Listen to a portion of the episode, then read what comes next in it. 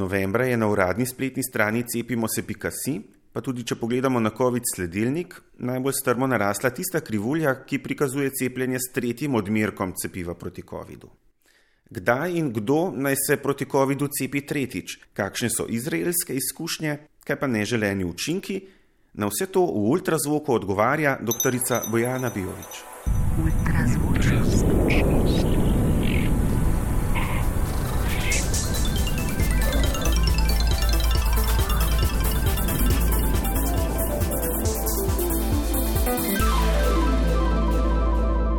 Ultrazvok. Doktorica Bojana Bejovič, pozdravljeni. Pozdravljeni, dober dan.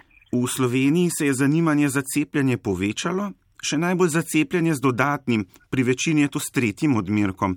Doktorica Bejovič, kdo in kdaj naj se odloči za ta poživitveni odmerek cepiva?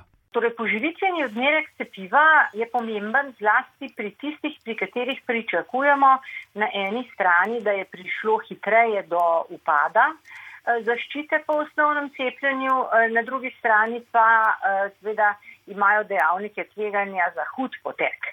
Glede na to pa, da, so, da je vedno več poročil o tem, da zaščita po cepljenju ugaša, pa je smiselno, da se pravzaprav za tretji odmerek, za poživitveni odmerek odločijo vsi, ki so bili že bazično uh, cepljeni. To ožje priporočilo se pa v Sloveniji nanaša na starejše od 50 let, na posebej randljive kronične bolnike, za stanovalce domov, za socialno-varstvenih uh, zavodov, potem pa vse tiste ljudi, ki prihajajo zelo pogosto v stik z ljudmi. Tukaj gre pa seveda za zdravstvene delavce, za uh, zaposlene v šolstvu, pravzaprav kjerkoli. No, tako da tudi recimo športnikom priporočamo, vedno bolj priporočamo pravzaprav to zelo na široko. Kaj pa se v telesu pravzaprav zgodi, da ta zaščita popusti? Torej, postopno uh, upada nekakšen imunski spomin, ne proizvajajo se več uh, proti telesa, čeprav seveda raziskave kažejo, da ostanejo pa v organizmu uh, spominske uh, celice imunskega odgovora in uh, zato je seveda pri uh, poživitvenem odmerku odgovor večji kot recimo pri osnovnem eh, cepljenju. S tem nekako poživimo tisto imunost, ki je že nekoliko ugasnila, je pa še prisotna. No in glede tega v javnosti odmeva švedska študija, v kateri so raziskovalci prikazali, v kolikšnem času se pri posameznem cepivu zmanjša zaščita in govorijo, da se zmanjša pred simptomatskim potekom okužbe, medtem ko zaščita proti hudemu poteku COVID-a pa je še vedno močna. Res je, res je. Predvsem proti okužbi kot taki je zaščita slabša in to ima seveda velik epidemiološki pomen. Treba je povedati seveda, da se do neke mere zmanjša tudi zaščita proti uh, hudemu poteku, ampak v bistvu je oboje pomembno. Uh, za ponovno sorazmerno zgodno cepljenje po cepivu AstraZeneca uh, smo se odločili bolj iz tega učinka, izvenjevanja učinka uh, za okužbo, se pravi iz epidemiološkega razloga, zgodaj, se pravi že po dveh mesecih, medtem ko je ta zaščita pri mRNA cepivih daljša in uh, je to cepljenje ponovno poživitveno pač smiselno po šestih uh, mesecih. Največ držav priporoča uh, šest mesecev raziskave, ki so bile upravljene, recimo uh, izraelski so cepili po petih mesecih, um, raziskava proizvajalca Pfizerja po enajstih, tukaj je malena. Ne vemo dovolj, da bi se lahko čisto točno odločili, prav gotovo pa ne čisto takoj po cepljenju, razen če ne gre za dodatni odmerek pri nekom, pri katerem ni bilo odgovora za za cepljenje. Ultrazvok. Doktorica Bijovič, na radio dobimo več vprašanj poslušalk in poslušalcev, in med njimi je bilo tudi to, v Sloveniji proti COVID-u cepimo s štirimi cepivi, s cepivi družb Pfizer, Moderna, Janssen in pa AstraZeneca, katerega ne pa sploh izberemo za tretji odmerek in od česa je to odvisno. Za tretji odmerek uh, sta v bistvu odobreni samo dve cepivi pri nas, uh, to je uh, cepivo podjetja Pfizer in cepivo podjetja Moderna. V tujini kot poživitveni odmerek uporabljajo tudi cepivo podjetja Janssen, ki pa ni posebej za to odobreno. Komu je pa zdaj v Sloveniji namenjeno cepivo Janssen? Torej, tistim ljudem, ki bi izredno želeli cepljenje z vektorskimi cepivi in pa eventualno tistim, ki bi bili preobčutljivi za mRNA cepiva. Če za poživitveni odmerek izberemo moderno, dobimo polovičko od tistega za prvi ali pa drugi odmerek. Zakaj? Raziskave eh, so pokazale, da je odziv, ki se ga meri v nekem povprečnem geometrijskem srednjem titru, pač v, v koncentraciji eh, proti teles, zadovoljiv že po polovičnem odmerku. Eh, treba je povedati, da je učinkovine, ki sicer ni povsem primerljiva, v cepivu podjetja Moderna v enem odmerku več kot recimo pri cepivu podjetja Pfizer. Eh, čeprav to ni popolnoma primerljivo, ker cepivi sta le eh, različni.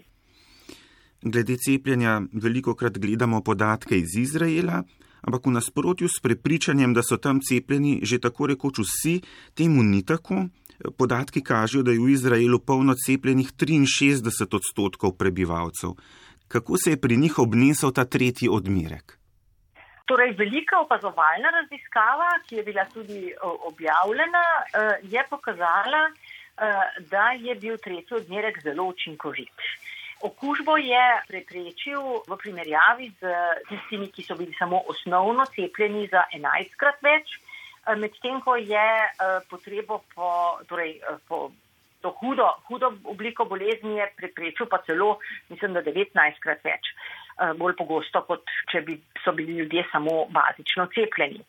Nekateri eh, pravijo, da je prišlo pri njih tudi do boljšanja stanja, do manjšega števila primerov, eh, predvsem zaradi tega predstavljanja zelo obsežnega cepljenja z poživitvenimi odmerki pri tistih, ki so bili sicer cepljeni. Res pa je po drugi strani, da ostaja pri njih še velik del populacije slabo, torej dovzeten eh, za okužbo, kar v prihodnosti lahko še pomeni eh, nove valove. Res pa je, da smo z tem poživitvenim odmerkom nekako vrnili učinkovitost cepljenja na tisto, ki je bila v začetku, če govorimo o mRNA cepivih, na več kot 90 odstotkov. V tem primeru, če imamo mi 60-70 odstotkov populacije precepljene z cepivom, ki je skoraj 100% učinkovito, je to seveda veliko bolje, kot če imamo tak delež populacije precepljenih z odmerkom, ki je z cepivom, ki je sedaj trenutno samo še recimo 50 odstotkov učinkovito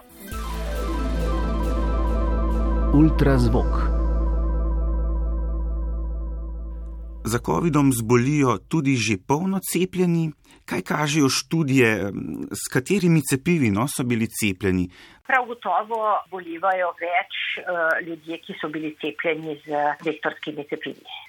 Čeprav uh, rezultati raziskav niso povsem enoumni, uh, se kaže, da učinkovitost vektorskih cepiv ugasne prej kot.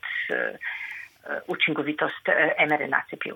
Doktorica Bijovič, ali nas po tretjem odmerku tudi še ogrožajo neželeni učinki cepiva? Ja, prav, prav gotovo. Eh, torej, cepivo ima neželene učinke. Ta velika izraelska raziskava je pokazala sicer, da je neželenih učinkov po tretjem odmerku manj kot po prvem ali drugem. So pa seveda še možni, najbolj pogosti so ki uh, tako imenovane uh, reakcije.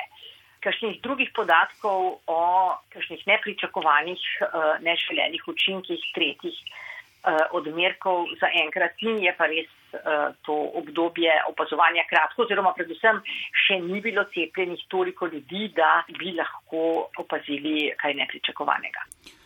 V Sloveniji se število polno cepljenih le počasi povečuje. Interes za cepljenje slab interes za cepljenje v Sloveniji ni nastal z epidemijo uh, COVID-19 in pač cepljenjem proti uh, tej bolezni, ampak je to nekaj, kar je uh, pri nas prisotno že daljši čas. Cepljenje proti gripi je bistveno manj pogosto, recimo, kot v zahodnih evropskih državah Prav tako recimo, je precepljenost s tistimi otroškimi cepivi, ki niso obvezna, eh, nizka, eh, okrog 50-60 eh, odstotna. E, tako da je težko pričakovati, da bo prišlo eh, pri cepljenju zato do kakšnih hitrih eh, sprememb. Pričakujemo pa vseeno, da se bo precepljenost počasi eh, povečevala. Doktorica Bojana Bijovič, hvala lepa za odgovore in pa pojasnila. Hvala vam. Nasvidenje, srečno.